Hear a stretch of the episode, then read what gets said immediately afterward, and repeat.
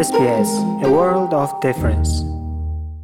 Ерөнхий эмчтэйгээ захимаар эсвэл утсаар холбогдох сонголтыг хийх өвчтнүүдийн тоо нэмэгдэхтэй зэрэгцсэн telehealth буюу телеэрүүл мэндийн зөвлөгөө улам өргөнд илгэрч байна. Services Australia төвийн мэдээлэлээс харуул 3 дугаар сард 1.3 саяар хэмжигдэж байсан telehealth буюу телеэрүүл мэндийн үйлчилгээ ашиглагчдын тоо 4 дугаар сард 5.8 сая болж огцом нэмэгдсэн байна.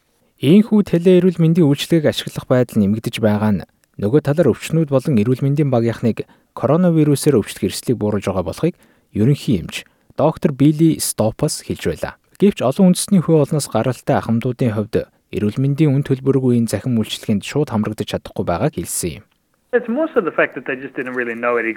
Тэдгээр ахмадын хувьд ийм зүйл байдаг эсэхийг мэддэггүй байсан. Бид угаасаа маш олон тооны өвчнүүд рүүгээ юу болж байгаа талаар тандах дуудлагыг утсаар хийдэг. Тэдний хувьд талархалтай ханддаг. Харин одоо өвчнүүд эмчтэйгээ ярих цагаа өөрсдөө товлох боломжтой болсны зэрэгцээ илүү зохион байгуулалт руу шилжиж байна. Доктор Гиллиан Синглтон бол Австралийн ерөнхий эмчнэрийн коллежийн хэвлэлийн төлөөлөгч бөгөөд Мельбурн дахь Кабринигийн орогнол хүсэгч дөрвөстийн эрүүл мэндийн төвийн эмчилгээ хариуцсан захирал юм даатгалаараа төлөх боломжтой. Эсвэл үн төлбөргүй теле эрүүл мэндийн зөвлөгөөг утсаар болон видео чат хэлбэрээр авах боломжтой гэдгийг тэрээр тайлбарлсан юм. Хэрв танд хувийн нууцын асуудал байгаа бол зөвлөгөөний үеэр микрофонтой чихвч ашиглах боломжтой бөгөөд дараах энгийн алхмуудыг анхаарах хэрэгтэй гэдгийг зөвлөж байна. When you book an appointment now, the practice will ask you Таны цаг товлох үед ерөнхий эмчтэй нь тань руу уулзалтаа биеэр хийх үү эсвэл видео чат теле эрүүл мэндийн үйлчилгээгээр явуулах уу гэж асуух болно. Видео зөвлөгөөний хувьд ерөнхий эмчтэй нь тань руу тусгай холбоос илгээх бөгөөд үүн дээр дарснаар видео чатаар холбогдох болно. Энэ нь баг зэргийн төвхтэй байж магадгүй. Учир нь чимээ багтай. Дээрээс нь сайн интернет холбоотой газар олно гэдэг баг зэрэг асуудалтай байх магадaltaй. Хэрв таны хараа муу бол аль болох том дэлгэцтэй төхөөрөмж хэрэглэх хэрэгтэй. Мөн ерөнхий эмчтэй зөв утасны дугаараа өгч байхыг доктор Билли зөвлөж байгаа бөгөөд эмчтэйгээ ярихаас урьдчилж асуух шаардлагатай асуултуудаа бэлдсэн байхад буруудахгүй гэдгийг хэлж байна. Өвчнүүдийн хувьд гаргадаг хамгийн том алдаа бол шууд утсаар залгаад эмчтэй ярихыг хүсдэг явдал юм. Гэвч энэ нь тэр бүр бүтээд байдаггүй. Учир нь бид байнга утсаар ярих боломжтой байдаггүй. Австралийн 5 иргэн дутмын нэг нь гэртээ англиас өөр хэлээр ярьж байгаа энэ үед хүмүүс Health Engine сайтаар зочилж өөрийн хэлээр ярьдаг эмчийг хайж олох боломжтой гин.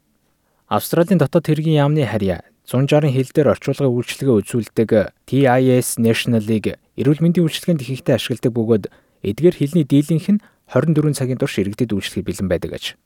Мөн TIS-ийн мэдээж буугаар тэд теле эрүүл мэндийн аудио дуудлагад зориулсан орчуулгын үйлчлэгээ үзүүлж байгааг нь. Харин 2020 оны 8 дугаар сараас теле эрүүл мэндийн видео уулзалтад зориулсан орчуулгын үйлчлэгээ хүргэхээр өргөтгөлийн ажлаа эхлүүлээд байгаа юм байна. Өвчтнүүдийн хувьд ч гэсэн эрүүл мэндийн зөвлөгөө авахдаа орчуулагч асуух нь элбэг тохиолдог болохыг доктор Билли хэлж байсан юм. Теле эрүүл мэндийн үйлчилгээний цаг авсан өвчтнүүдэд зориулж бид утсаар орчуулга хийх боломжийг бүрдүүлдэг. Ингэснээр гуруула нэг дор ярих боломж бүрдэх бөгөөд шаардлагатай тохиолдолд бүрт орчуулагч орчуулга хийж өгдөг. Иймд өвчтнүүд маань бүх зүйлийг ойлгосон эсэхийг мэдхийн тулд зөвлөгөөгөө илүү урт хугацаагаар товж байхыг тэднээс хүсдэг. Эрүүл мэндийн тусламж үйлчилгээний салбар алсын зан үйлчилгээгээ сайжруулж эхэлснээр өвчтнүүдийн хувьд эмчийн лавлгаа, эмчилгээний жор бичүүлэхдээ заавал биеэр ирэх шаардлагагүй болж байгааг доктор Синглтон хэлж байлаа. Цусны шинжилгээ, рентген, эхо онцлогоонд орох хэрэгтэй тохиолдолд бид лавлгааг шинжилгээ хийх газар руу шууд илгээж байна. Ингэснээр бид өвчнүүдэд цагийг нь өмнөөс нь товлж өгч байгаа бөгөөд тэдний хувьд тогтсон цагтаа очиход болно. Түүнчлэн эмийн жороо бичүүлж авах нь COVID-19 цар тахал гарахаас өмнөх үеэс ч илүү хэлбэр болсон гин.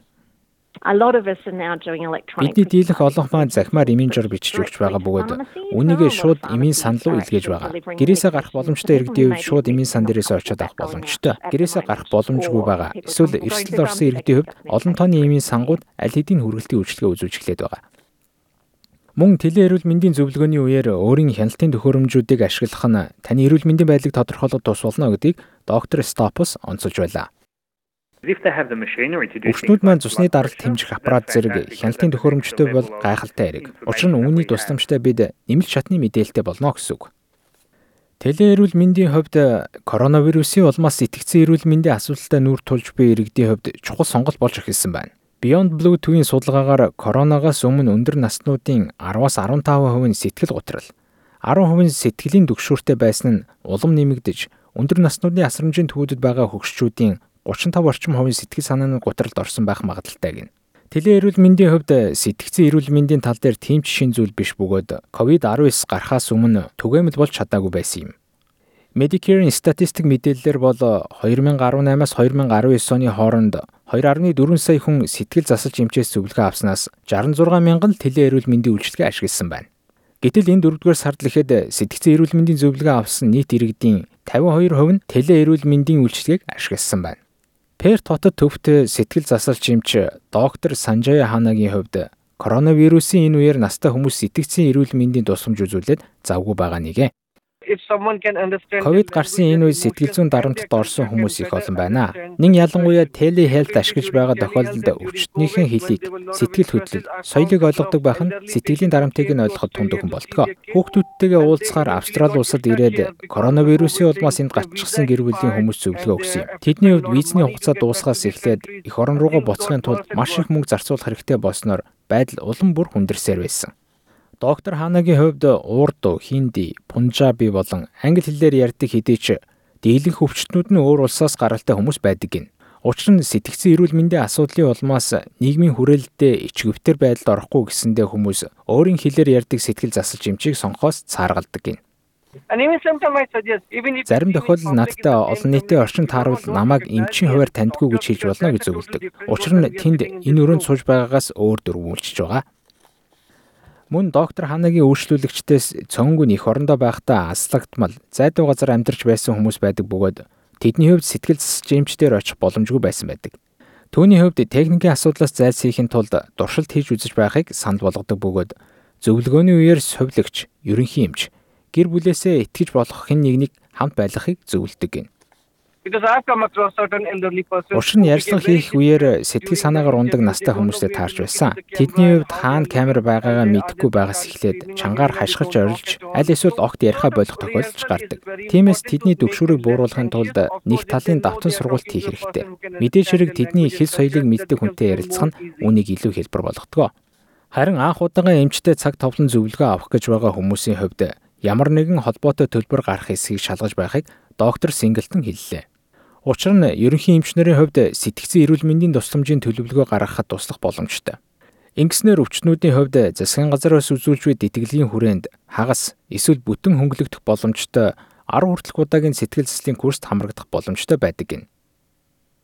People have a mental health plan Даатгалын үнэлгээнээс өндөр зардлаар үздэг, эсвэл даатгал багтааж үздэг гэд ямар төрлийн сэтгэл зүйчтэй уулзч бугаас шалтгаалж тухайн хүний сэтгцэн эрүүл мэндийн төлөвлөгөө нь өөр өөр байдаг. Өөрөөр хэлбэл ямар төрлийн үйлчилгээ авч бугаасаа шалтгаалаад олон янзын сэтгэл зүйч байдгаа гэсэн үг. Хэдийгээр теле эрүүл мэндийн үйлчилгээ нь биет зөвлөгөө бүрэн орлохгүй ч алсын занаас утсаар болон видео уулзалтаар ямар үр дүн авчирч чадах вэ гэдг нь үнэхээр гайхалтай хэрэг болохыг доктор Гилен хэлсэн юм.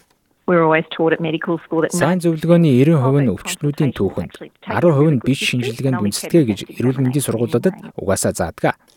Мөн теле эрүүл мэндийн үйлчилгээ ашиглан зөвлөгөө авахдаа өөрт ойр байдаг ерөнхий эмчийг сонгохыг доктор Стапус зөвлөж байв. Хэрэг та Queensland байдаг хэрнээ Melbourne байдаг ерөнхий эмчээс зөвлөгөө аваад байвал хэд хоногийн дараа таны бие муудахад та тухайн эмчтэй үзүүлж чадахгүй гэсэн үг лайк, шеэр, комент үлдээгээрэй. SBS Монгол Facebook хуудсыг дагахаа мартаоцай.